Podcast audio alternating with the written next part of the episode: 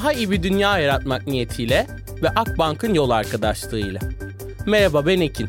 Podbi Medya ile beraber daha iyi bir dünya yaratmanın peşinden koşuyoruz.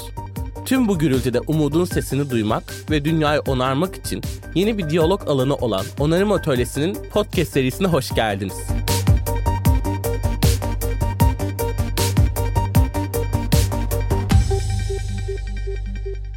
Bugün iki tane harika konuğum var. Eren ve Aysel benimle birlikte. Aslında sürdürülebilirlik kavramıyla ya da yaptığım işlerin sürdürülebilirlik olduğuyla tanışmam benim Eren sayesinde oldu ve S360'ı Eren'i tanıyarak bu alanın yaptığım ya da yapmaya niyet etmek istediğim şeylerin ya evet bir çıkış noktası varmış bunu zaten yapan insanlar varmış dediğim nokta Eren'le oldu. Uzun süre onunla çalışma şansı da elde ettim ki Aysel'le de aynı şekilde. Ve aslında bugün buranın doğmasını, benim bir şeylere niyet etmemi sağlayan kişi burada olduğu için Eren çok mutluyum. Ve Aysel bugün bizimle birlikte. Aysel'le de S360'da özellikle S360 Fellowship programında birlikte çalıştık. O da aslında ben, Eren, Aysel birlikte çalışma şansı elde ettiğimiz bir ekip sohbetini bugün buraya taşıyacağım için çok şanslıyım. İkisi de aslında dünyayı iyi hale getirmeye, sürdürmeye, belki de onarmaya niyet eden, gönül veren insanlar ve gerçekten işin gerçeğini, doğrusunu onlardan öğrenmiş olmak bana çok iyi geliyor. Ben dediğim gibi uzun uzun onları anlatmayacağım. Onlara meselelerini, kim olduklarını, hikayelerini ve bu meselelerin bugünlerini nasıl yarattıklarını ona soracağım. Ve ilk Aysel'den başlamak istiyorum. Aysel hoş geldin. Senin meselelerin neler, neleri dert ediniyorsun, hikayende ne var ve Aysel kim?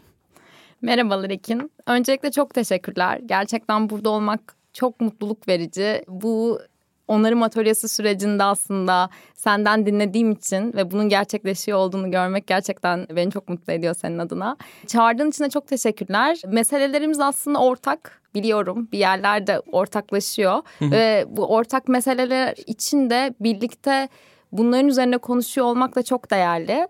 Benim Aysel olarak aslında en başından beri gitmeyen ya da doğru olduğunu hissetmediğim yerlerde hep bir müdahale isteğim olmuştu. Ve şu andaki mevcut sistemin de kendi içindeki belirli eşitsizlik mekanizmaları ya da bizim insan olarak bu sistemin üzerinde olan etkilerimizin giderek artması e, gibi konular gerçekten belki lisede, belki ortaokulda tam hatırlamıyorum ama bir yerlerde benim canımı sıkmaya başlamıştı. Ardından dedim ki yani buralarda neden bunun farkına varıyoruz ama neden bir şeyler yapmıyoruz?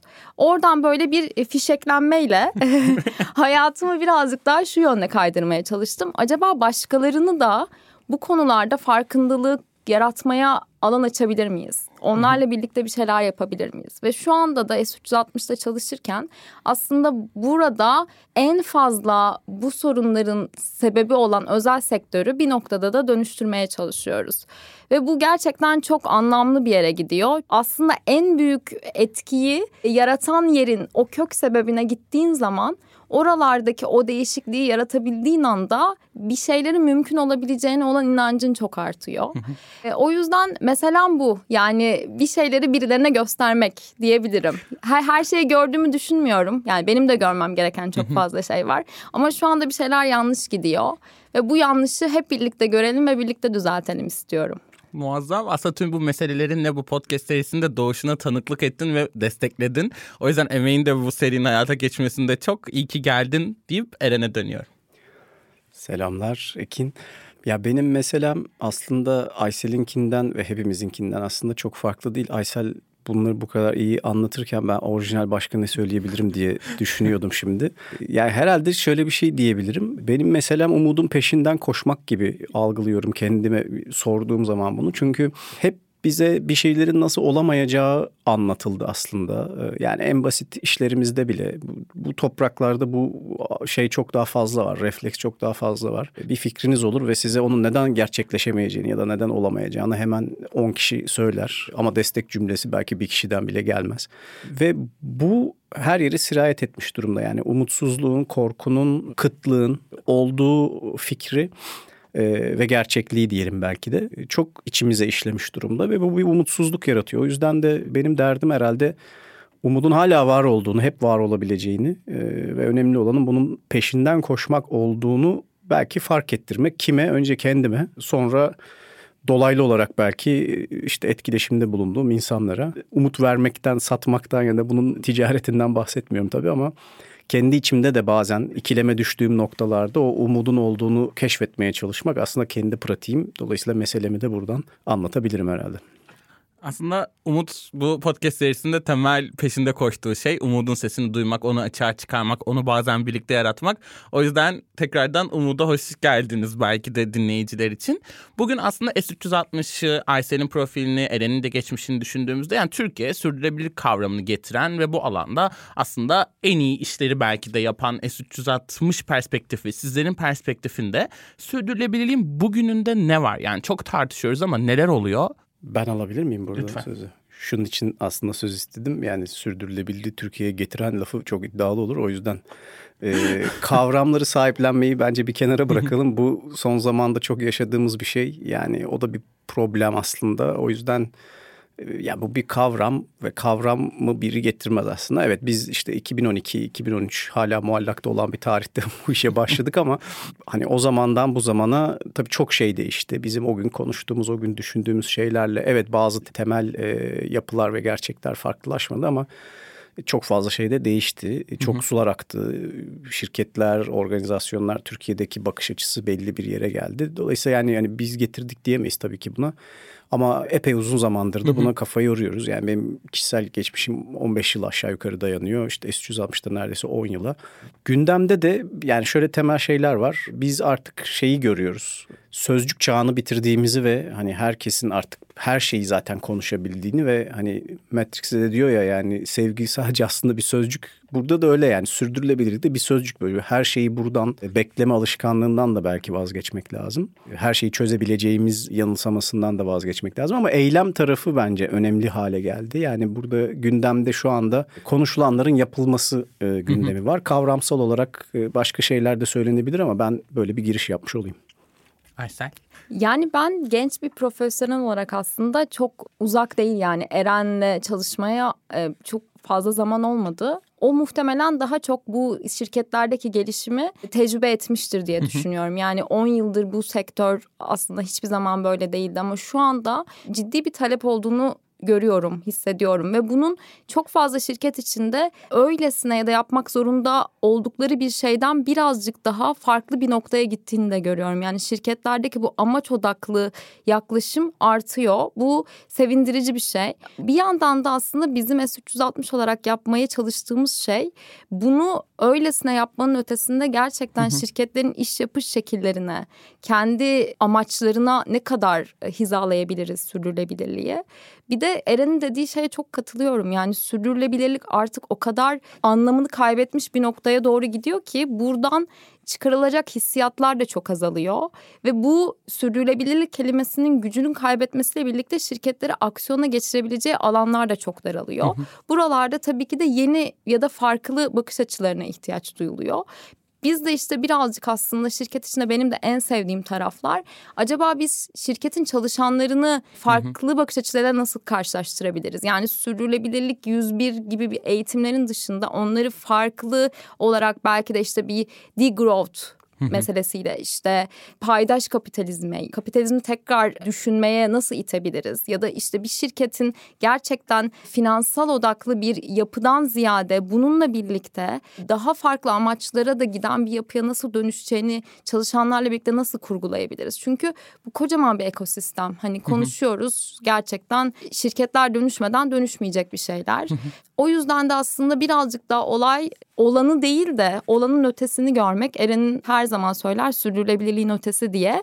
Gerçekten sürdürülebilirliğin ötesinde başka bir evren var. Eren'in de bahsettiği gibi bir ufuk çizgisi var orada. Yani oralarla mümkün olduğunca fazla hizalanmak aslında şu anda bence amaçlardan bir tanesi olmalı. Çok teşekkürler. Sürdürülebilirliğin ötesinde bir evren. Ya belki de sürdürülebilirliğin ötesi mi öncesi mi bilmiyorum ama bugünlerde benim de kullanmaktan ve aslında bu podcast'te de ismini veren bir onarmak kavramı var.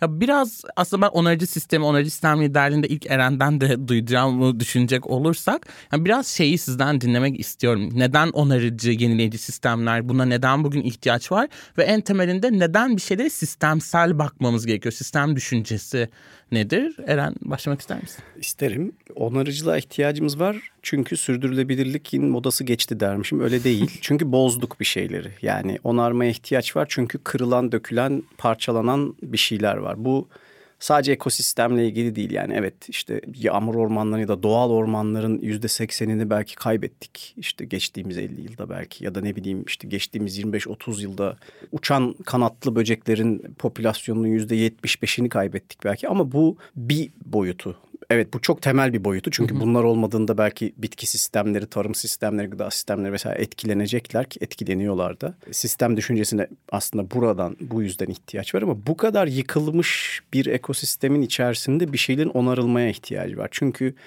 ben genelde şunu söylüyorum. E, sürdürülebilirlik aslında bizi yanlış yönlendiriyor. Yani neden yanlış yönlendiriyor? Çünkü bugüne kadar geldiğimiz yoldan gitmeyi sürdüremeyiz artık. O yüzden sürdürülemezliğin karşısına bir şey koymamız gerekiyor.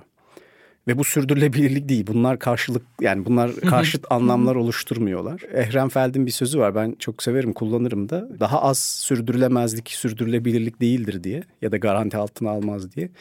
O yüzden onarıcılık burada devreye giriyor aslında. Yani yenileyicilik diyebiliriz, onarıcılık diyebiliriz. Bu tabii gene bir kavram ortaya atıyoruz bu sırada. Yani bunun da farkında olarak ilerlemek lazım. Çünkü işte sürdürülebilir X, Y, Z bunu kullanma hızımız çok hızlıydı ve anlamını yitirdik Aysel'in dediği gibi.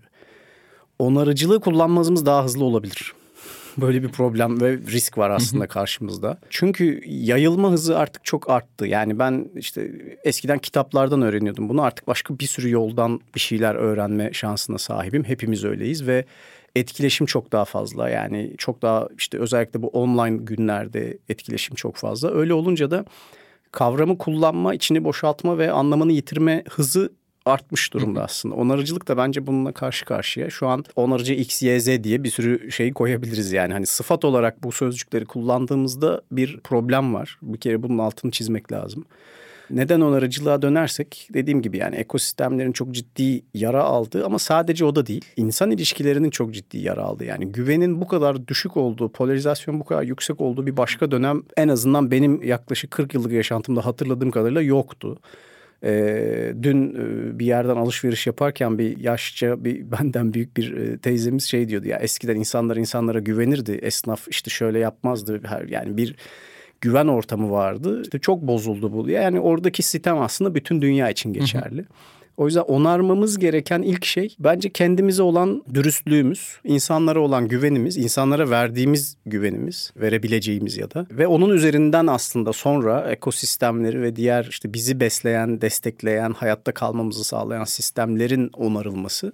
Dolayısıyla hani sistem düşüncesiyle de bağdaştıracak olursam en son noktada e, her şeyin iç içe geçtiği bir sistem içerisinde yaşıyoruz. Öyle olunca da Bunların her biri birbirini etkiliyor. Sonsuz yollarla etkiliyor. Ben bunları çok kavramsal anlattım yıllarca ama pratikte de artık yani bugün baktığımız zaman işte işte iklim risklerinin finansal anlamda açıklanması ya da disclose edilmesiyle ilgili çerçeveler işte TCFD dediğimiz orada bile artık online eğitimlerinde sistem düşüncesinden hı hı. E, örnekler veriyorlar. Bu riskler birbirleriyle nasıl etkileşiyor, birbirlerini nasıl etkiliyorlar hangi miktarda etkiliyorlar. Bütün bunları ortaya koymaya çalıştıkları aslında şeyler var, örnekler var orada. Dolayısıyla bu kaçınılmaz bir şey. Onarmak da bozduğumuz bir şeyi aslında düzeltmekle alakalı. Bozmak kolay, yapmak zordur. Hani onarmak ne kadar hızla ve kolay olacak ayrı konu. Çünkü entropik olarak da baktığımızda düzensizliğe doğru gidiş aslında daha kolay oluyor. Bunu geri çevirmemiz çok kolay mıdır bilmiyorum.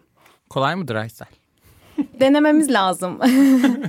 ben birazcık daha olaya şuradan yaklaşmak istiyorum. Yani insanın doğayı taklit etmesi gereken alanlar yaratmalıyız ya da doğayla birlikte hareket etmemizi hareket etmeyi öğrenmeliyiz. Bence onarıcılığın temelinde bu var. Çünkü her şeyden önce insanın sahiplenmesinden önce onarıcılık zaten doğanın özünde olan bir şey. Bunu işte ofiste Ceren'le birlikte de konuşuyorduk. Yani onarıcılığın bu kadar insana atfedilen bir şey olması birazcık da sorgulamamız gereken bir şey değil mi? Eren'le konuşurken aklıma geldi. Bir müşterimize e, onarıcılıkla ilgili bir şey gönderdiğimiz zaman böyle yara bantlı bir görsel göndermişti evet. bize.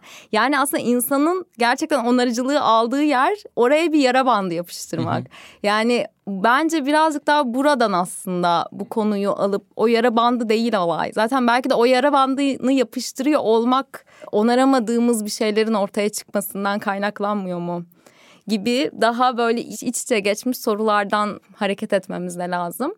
Yani işte sisteme girersek şunu birazcık düşünüyorum onarıcılıkla ilgili. Bence onarıcılık ve sistem düşüncesinin en çok kesiştiği yerlerden bir tanesi ne kadar çoksa o kadar iyi bir şey olmayacağını bize göstermesi sistemlerde. Yani sistemler doğrusal yapılarla ilerlemiyor.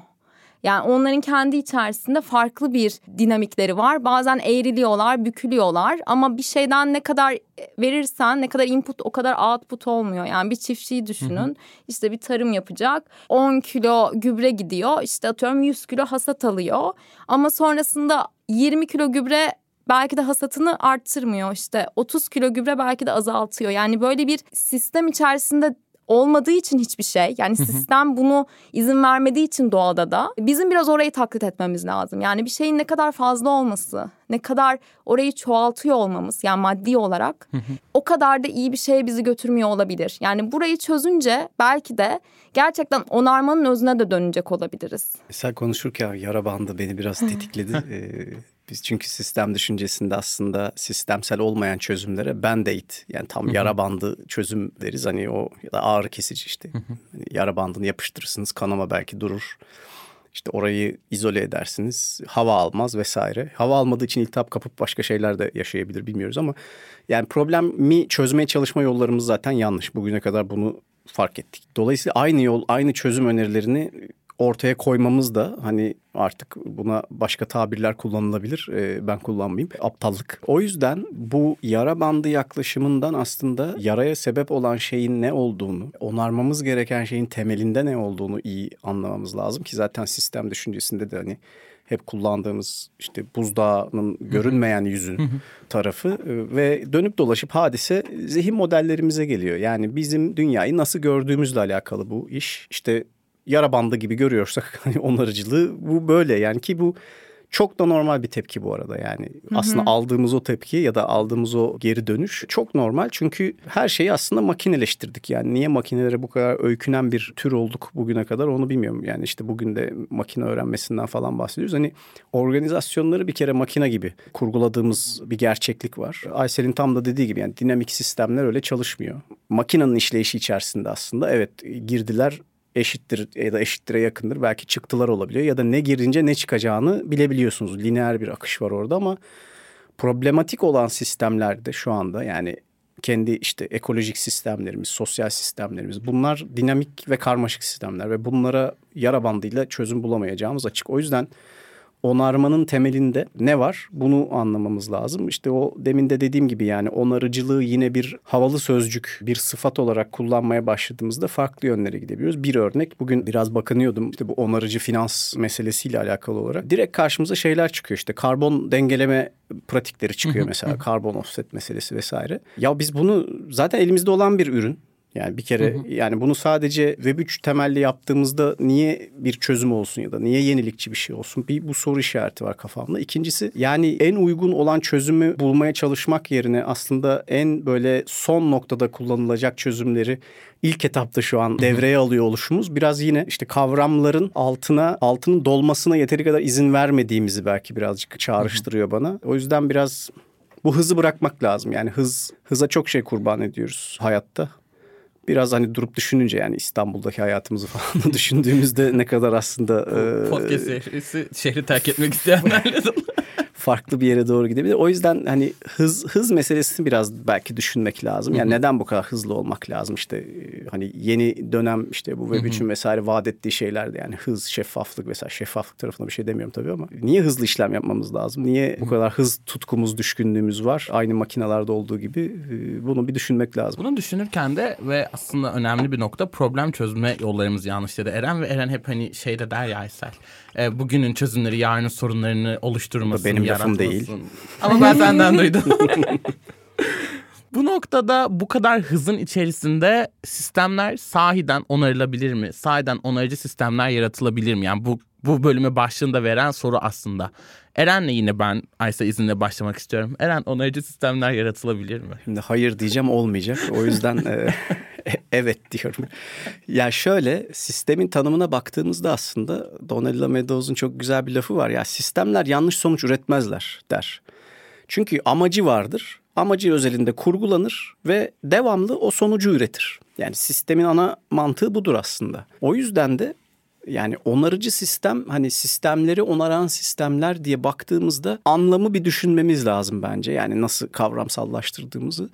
O yüzden e, sanki bana şöyle geliyor yani sistemlerin amaçlarını bu onarıcılık meselesine doğru çevirmemiz sanki daha önemli. Çünkü baktığımızda hani niye paydaş kapitalizmini konuşuyoruz? Çünkü daha önce hissedar kapitalizmi vardı. Ne demek?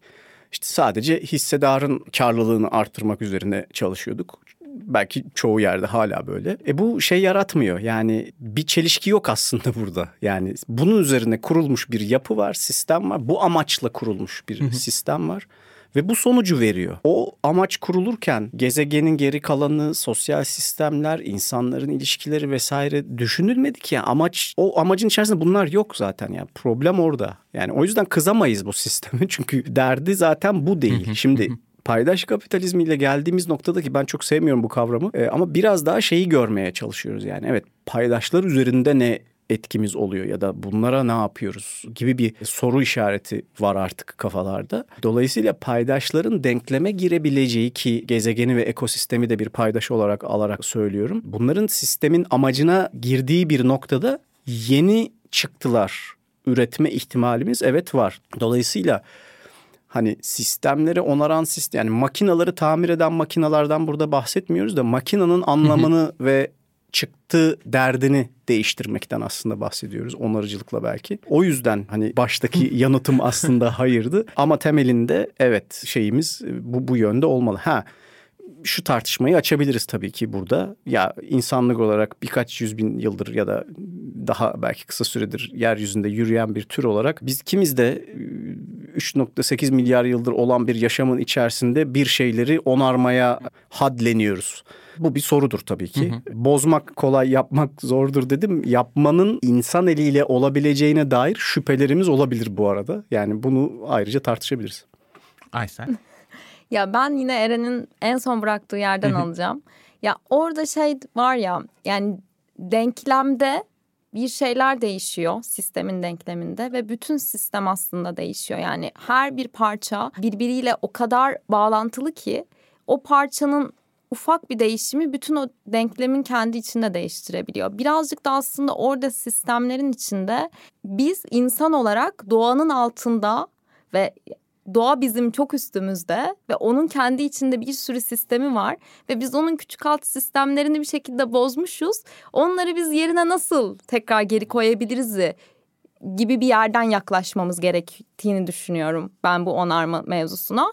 O da birazcık aslında sorumuzu değiştirmek. Yani hani sistem ne değil de yani sistem neden böyle çalışıyor?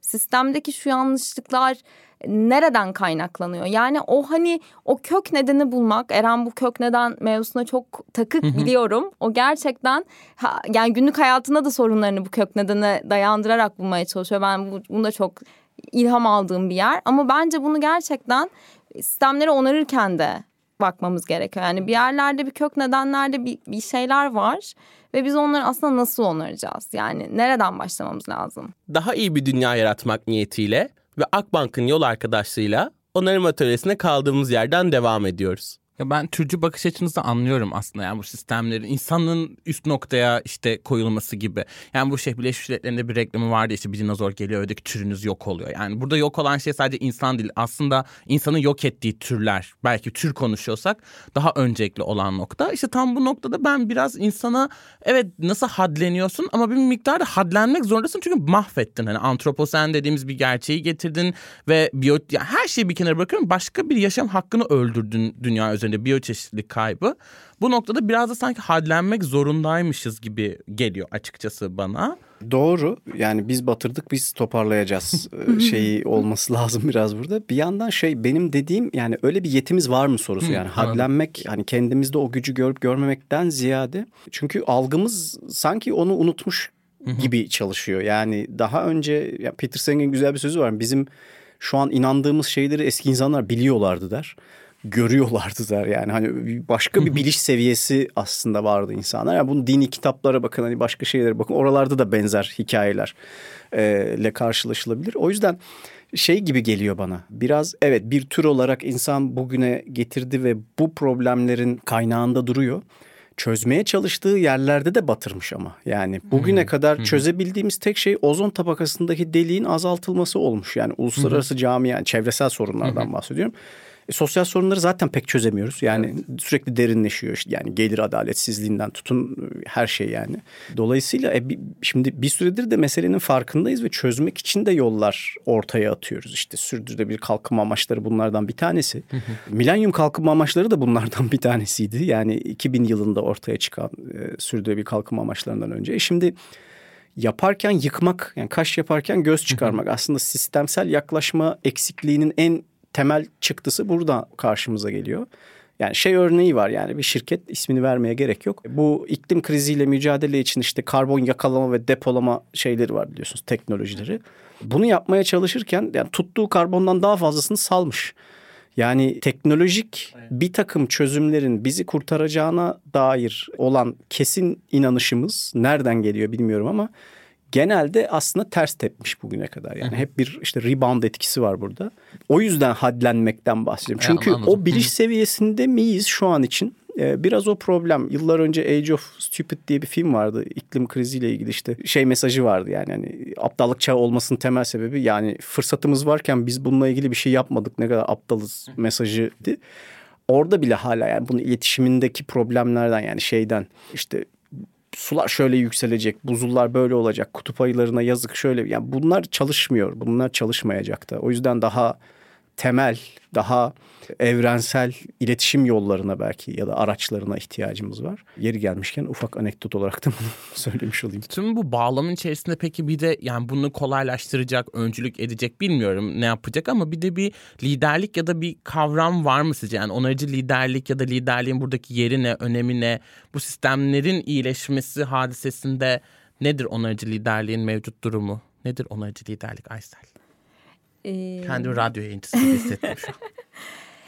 Yani şöyle onarıcı olmak yetisinden alayım. Buradan devam edeyim. Şimdi aklıma şey geldi bu yeti derken. Biraz konuyu başka yerlere götüreceğim. Sonra tekrar buraya getireceğim ama yani eskiden mesela anneannemi falan düşündüm. Ya gerçekten onarıcılık yetisi çok yüksekmiş. Yani hep düşünüyorum mesela işte kıyafetlerini onarırdı. İşte bir şey yemeği atmazdı, onu tekrar bir şeyler yapardı, kullanırdı. Yani hani böyle bir o yeti eskilerde daha fazlaymış gibi hissettim şu anda. Sonra şeye düşündüm. Böyle kafamda çağrışımlar oldu. Acaba o zaman daha az kaynak kaynağı olduğu için mi böyle bir yetiyi kendi içinde arttırabiliyordu. Sonra da geleceğe dair şöyle bir umudum oldu. Acaba bir noktada gerçekten bu kaynaklarımız azalıyorken tekrar biz bir kendimize çeki düzen vereceğiz ve bu yetilerimizi ön plana çıkartabilecek alan tanıyabilecek miyiz kendimize diye. Bu noktada da işte gerçekten o yetileri de birazcık güçlendirecek. Yani insanların da bu noktalarda kendilerindeki içindeki inancı ve gücü ortaya çıkabilecek yol göstericilere ihtiyaç var. Yani bunu liderlikte çok şey bir kavram ya. Hani üzerine tekrar belki de tekrar bir podcast yapılabilecek bir kavram.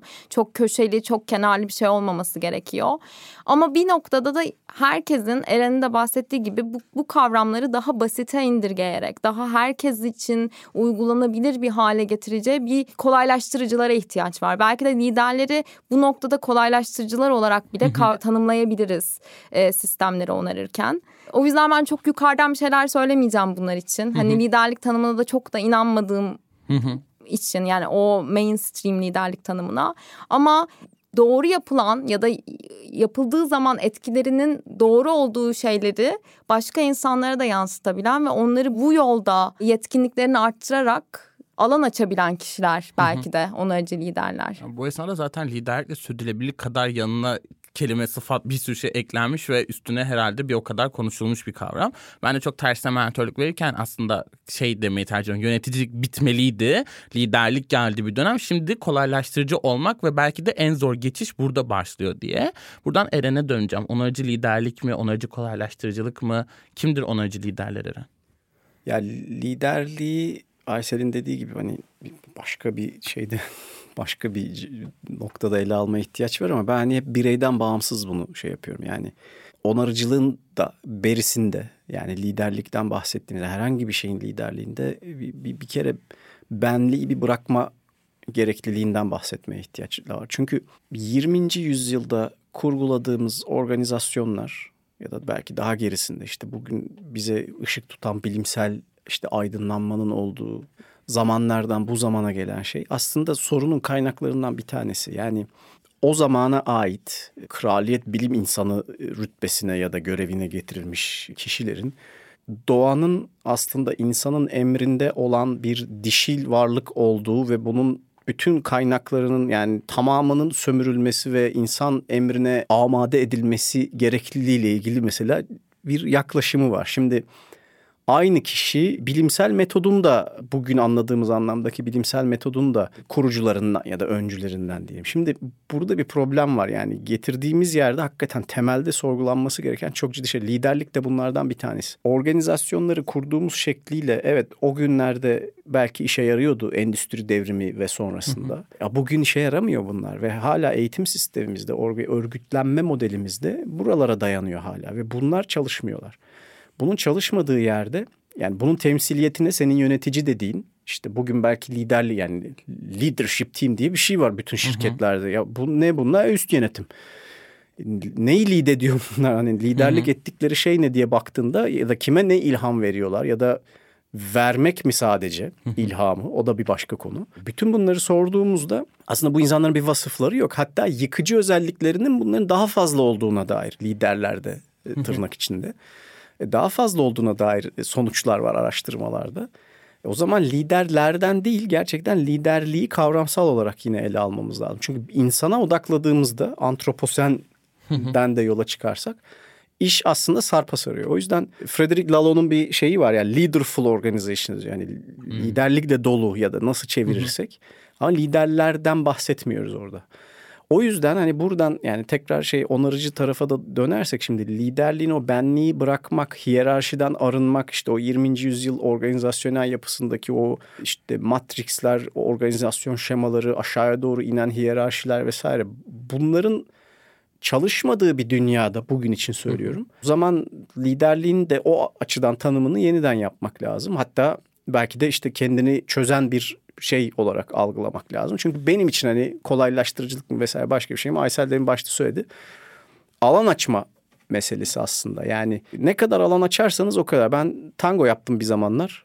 Orada işte lead eden erkektir o cinsiyetçi tarafına hiç girmemekle beraber işte takip eden de follow eden de kadındır. Şimdi kadının yani bir erkek olarak ya da lead eden taraf olarak Hı-hı. cinsiyetini ayrı tutalım. Yani liderlik eden taraf olarak tek yapabileceğiniz şey alan açmaktır. Sadece üstüne yürüyerek dans edemezsiniz birinin. Ee, biri sizin üzerine yürüdüğünüzde onun size alan açması lazımdır. Artık orada bir hep Hı-hı. hani takip etmek ya da liderlik etmenin birbirine girdiği bir şeye ihtiyaç var. Ben bunu hani tango metaforuyla çok açıklamaya çalışıyorum. Davet etmezseniz dans edemezsiniz.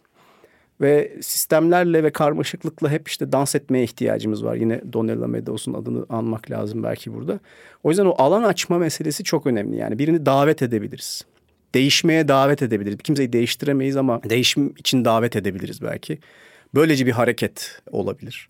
Düşmanımızı bile bir şeye davet edebiliriz aslında. Yani o zaman yine bir senkronize veya işte böyle güzel gözüken bir hareket ortaya çıkabilir. Onarıcılık tarafından da yani onarıcı liderlik işte onarıcı sistem liderliğini ben biraz böyle farklı çerçevelerden bir şekilde birleştirerek uydurmuş bulundum bir zaman için ama ya burada da şeye bakmak kopuşların geri kazanılmasıyla ilgili bir şeyden bahsediyoruz aslında onarıcı liderlikte. Yani demin söylediğim insanın doğa yani işte o Francis Bacon'lardan bu zamana kadar gelen ya da işte Newton deyin, Descartes deyin hani bunların böyle öncüleri şey. Hani büyük cisimleri çok iyi açıklayabilen ya da işte şeyi evrenin içindeki hareketleri çok iyi açıklayabilen insanların daha dinamik başka tür işlerde çok yaya kaldığını görüyoruz. O yüzden hani o dönemin ideolojisinin diyelim burada artık hani daha ideolojik bir şeye doğru da dönmüş durumda. Reddedildiği bir şeyden bahsediyoruz aslında. Yani hı hı. insanın doğayla ayrışması yanlıştı. Bugüne kadar bunu yaptık ve bilimsel metodoloji de belki bize bunu söyledi bugüne kadar ya da en azından onun öncüleri. Veya işte kadın erkek ya da dişil eril diyelim buna daha genel haliyle. Bunun ayrışması işte sağ beyin sol beyin bile böyle. Yani sağ beynin temsil ettiği gerçeklikler, değerler ve sol beynin temsil ettikleri bunlar o kadar ayrışmış durumda ki ve hep sol beyinle ilgili hı hı. daha işte mekanik, işte bilimsel, daha lineer, çizgisel olan şeyler hep bugüne kadar bizi bir şekilde yol göstermiş. E bunların olmadığını görüyoruz. Yani illa bir şey bir şeyin üstüne gelmek zorunda değil. Bunların daha denge halinde e, ele alınmasından bahsediyoruz tabii. Onarıcı liderlik dediğimizde aslında bu kopuşların yeniden bir araya getirilmesi, yeniden birbirine bağlanması ve bir denge halinde ya da bir harmoni halinde hareketinden bahsediyoruz. Aslında burada böyle davet etmek, alan açmak dediğimizde ve bunun liderin yani liderliğin bir kişiden başka bir şey, bir kavram olarak daha farklı hayatta olduğunu gördüğümüzde benim aklıma direkt S360 Fellowship'te geliyor. Yani alan açmak bu alandan toplulukların ve onarıcı liderlerin yeşer liderlerin değil liderliğin yeşermesine alan açmak hadisesiyle benim aklıma S360 Fellowship geliyor. Yani Ekin olarak benim bir şekilde var olmasının ucundan da olsa destek vermekten en mutlu olduğum programlardan ya da topluluklardan biri sanırım S360 Fellowship. Yani tam olarak hatta şöyle ortaya çıkmıştı. Sürdürülebilirliğin artık yeterli olmadığını ve onarmaya, yenilemeye ihtiyaç duyduğumuz her geçen gün daha net anlıyoruz bunu. Ancak bu yolda gerekli olan irade ve liderlik yaklaşımın eksik olduğunu görüyoruz diyerek yola çıkan bir program. Aslında bir davet eden, dansa davet eden bir program.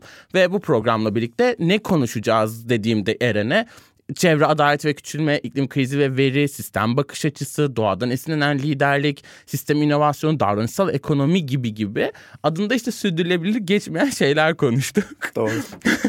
ve aslında neredeyse 18-30 yaş arasında bir Biz bıraktık va- görecek tırnak içerisinde genç diyebileceğimiz bir öğrenme ve birlikte yaratma topluluğu tasarladık. Bu noktada S360 Fellowship neden önemliydi, neye neden niyet etmişti ve topluluklar neden önemli diye sormak istiyorum. Aysel başlamak ister misin? Ee, tabii ki başlayayım. Yani işin birazcık daha arka planını yıllardır olgunlaşan bir fikirmiş çünkü S360'da. O kısmı biraz Eren'e bırakıyorum. Ee, fikir babası olarak diyeyim artık. Fikir Ee, insanı. Fikir insanı. fikir insanı olarak ona bırakıyorum. Ben sadece experience ettiğim yani hissettiğim ve bütün süreçte aslında bana yansıması nasıl oldu öyle bir yerden alacağım S360 Fellowship'i. Dediğin gibi çok farklı yaş grubundan gerçekten aslında meselesi olan, hayatla ilgili bir meselesi olan ve nereden başlayacağını bilmeyen bu meseleyi kendi içinde sorgularken de yani ben böyle tanımlayabilirim bir araya geldiğimiz grubu. Hatta şuradan biraz örnek vereceğim. En son bir etki çalışması yaptık fellowship üzerinde ve orada işte etki çalışması yaparken fellowlarımızdan bir tanesi dedi ki ben ilk defa bir topluluğun içinde herkesi bütün sıfatlarından ayrılmış bir şekilde kimin hangi okulda okuduğu, neler yaptığı, belki kaç yaşında olduğunu bile bilmeyerek yani hiçbir zaman bunu sormayarak sadece olduğum haliyle var olduğum ve olduğum halinin içinde öğrenme isteğimi pekiştirdiğim ve canlandırdığım bir o topluluktaydım demişti ve bu beni çok etkiledi. Gerçekten aslında böyle bir topluluk. Yani sınırı yoktu bu topluluğun benim hissettiğim kadarıyla. En fazla bence yapabildiğimiz şey insanlara yalnız olmadıklarını hissettirmekti. Bunu özellikle tartışma oturumlarında çok fazla duymuştuk. Yani bu konuyla ilgili demek ki benim gibi düşünen kişiler varı hissettirmek ya da nereden başlayacağını bilmeyen kişilere aslında bunun bir yolu yok. Hani bunun tek bir yolu yok. Çok farklı yerlerde hani biraz önce saydığım bütün eğitim alanları aslında bu konuyla ilgili mesele edinebilecek alanlar ve gerçekten biraz önce bahsettiğimiz o onarıcılığın da bir yerinden tutulabilecek alanlar olmuştu. Dört aylık bir programdı genel olarak fellowship. Bir topluluktu ama bence bir topluluğun çok daha fazla ötesindeydi. Her seferinde işte üç tane fiziksel oturum yaptık ve her seferinde ben oradaki e, hissiyatımı kendi içimde çok sorguladım. Yani bir topluluk gerçekten bu kadar o anda nasıl bulunabilir? Ya da bu kadar gerçek duygular ve samimi duygularla nasıl ortak meseleleri paylaşabilir? Buna hep şaşırdım. Bunu birazcık daha şey işte o yüzden Eren'e bırakacağım Evet, diyorum. evet. Çünkü bunun aslında gerçekleşmesini sağlayan kişi o. Ben ilk başta biraz şey yapmıştım. Yani bunun sınırı yok mu gerçekten? Hani Ben de. hep sınırlar vardır ya ama aslında şunu Müfredatı gördüm. vardır. Takip edilmesi gereken çok net şeyler vardır ama evet burada bir yoktu. müfredatı yani kaba taslak bir şeyler vardı ama yolda düz yani kervan yolda düzülür Yarı gibi gerçekten işte, ve şunu gördüm yani aslında o sınırlarda yani bir şeyden bir şeye geçişin olduğu yerlerde o çeşitlilik oluyor.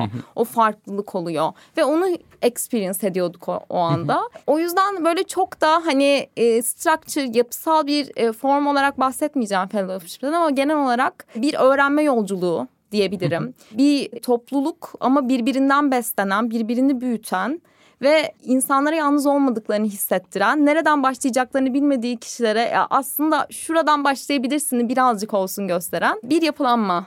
Ya ve görece aslında hemen Eren'e geleceğim ama ben daha kolaylaştırıcısı gibi bir şekilde yer almaya çalışırken benim inanılmaz çok şey öğrendiğim ve kolaylaştırıcı denilen şeyin aslında nasıl süreçte topluluğun en temel parçası en çok öğreneni olduğunu gördüğüm süreçti. Yani burada bir de öğrenme işte doğadan öğrenme, birbirinden öğrenme, birbirlerinden öğrenme, topluluktan öğrenme, eylemden öğrenme gibi unuttuğumuz öğrenme metotlarını hayata geçirdik burada hep birlikte ve en önemlisi birbirimizi dinlemeyi öğrendik. Yani çok konuşuyoruz, hepimiz konuşuyoruz ama birbirimizi nasıl dinleyeceğimizi burada gördük. Bu bana çok iyi hissettirmişti ve her meselesi olan burada aldıklarını birbirinden topluluktan öğrendiklerini dışarıya yayma niyeti taşıyan insanlardı. O yüzden bu 30 kişiyle sınırlı değil çarpan etkisiyle devam eden bir şeydi. Eren nasıl tasarladın bu fellowship'i? Nedir bu toplulukların meselesi?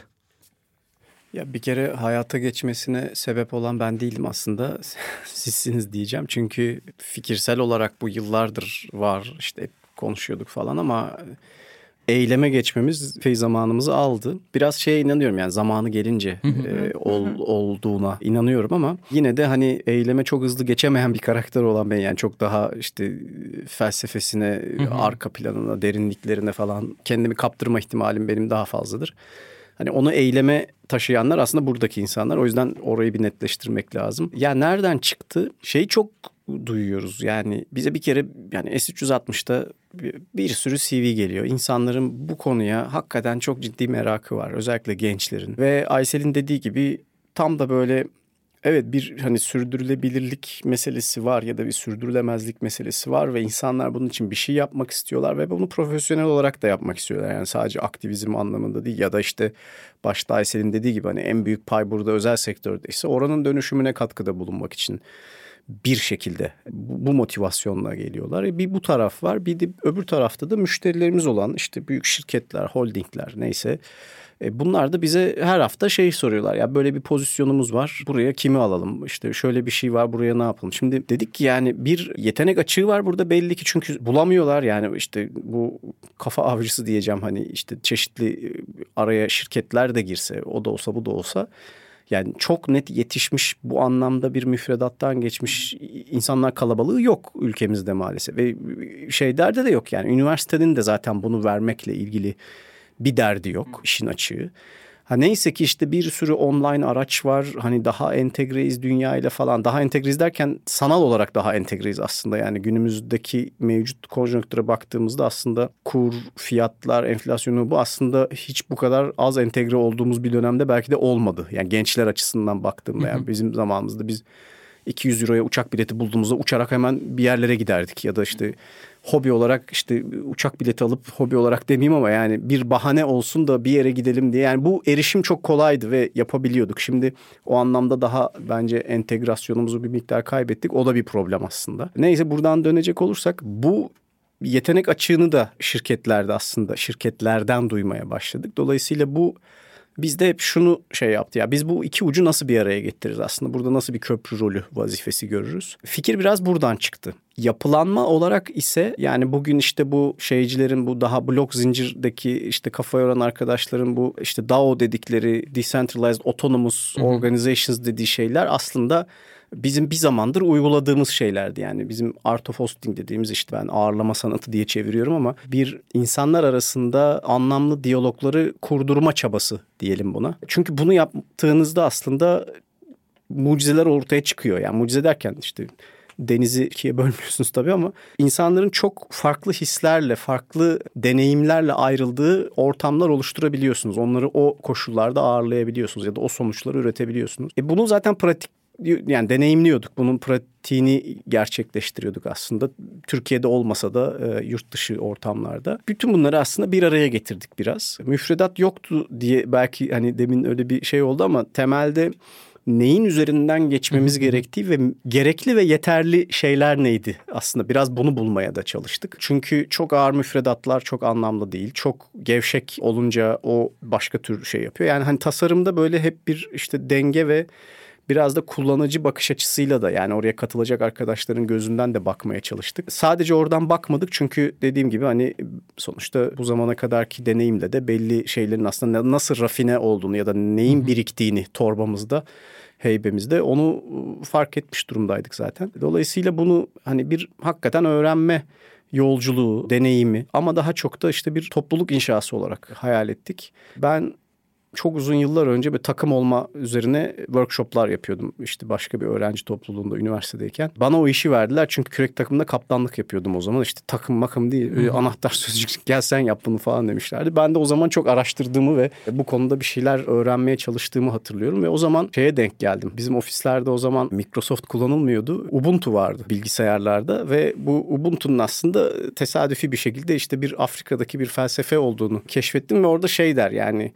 I am because you are diye hani Ubuntu felsefesinin temelinde şey vardır. Hani ben aslında sen olduğun için varım ya da benim. Topluluğu da biraz böyle gördük yani o hakikaten hani dayanışma halinde birbirine destek olan işte birbirinin varlığının farkında olan çünkü çok eksik ve küçük hissediyoruz aslında bütün bu olan büyük dünyada olan her şeye karşı. Bizim gibi düşünen çok insan var. Bir arada olduğumuzu ve bir araya gelebileceğimizi ve farklı yollarla bir araya geldiğimizde de yani bugüne kadar işte organizasyonların içinde o hiyerarşiler içerisinde değil de daha farklı yollarla bir araya gelebileceğimizi, neler çıkarabileceğimizi de az çok biliyorduk aslında. Bunu deneyimlemeye başladık. İnşallah yakın zamanda bir ikinci grubu da toplamaya çalışacağız diye umuyoruz. Yani aslında benim ekin olarak bu hikayede topluluklarla birlikte bir şeyleri neden çözmeye, yani nasıl değil, neden topluluklarla yapmam gerektiğini önce gördüm. Sonra da bu farklılıkların ve renkliliklerin bakış açıların mesele odağında bir araya gelmesi, bunun çember pratikleri üzerinden olması muazzamdı. Çünkü her şey çemberle başladı, çember soruları. Biz birbirimize gerçekten ne yaptığımızı sormadık. Yani ilk çemberimizde de Open Space gibi, Word Cafe gibi, Proaction Cafe gibi, işte dinleme pratikleri gibi gibi çok farklı şeylerle topluluk nasıl olur, nasıl oluşturulur ve o topluluk neleri çözebilir benim için görmek harikaydı. Ve biraz da aslında sohbetimizin sonuna doğru da gelirken benim Geldik mi? Galiba. Ya nasıl nasıl oldu hemen bitti. Her konuma sormak istediğim bir soru var. Aslında Eren başta buna cevap verdi ama yine de soracağım tabii. Umut var mı sizce? Umut'taki bu gürültüde ya da bu ortamda umudun sesini nasıl duyacağız? Neler yapabiliriz? Aysel senle başlayalım mı? Umut var. Yani umut var olmak zorunda. Öbür türlüsü çok kötü. Yani hiçbir şey yapamayız. Yani şöyle bir şey hayal ediyorum. Bunu yine eğitimlerde biri söylemişti. Ufuk çizgisi olayını. Yani orada... Ethemcan. Ethemcan değil mi? Ve o benim hep aklımda kalıyor. Yani bir yerde bir ufuk çizgisi var. Biz oraya koşuyoruz.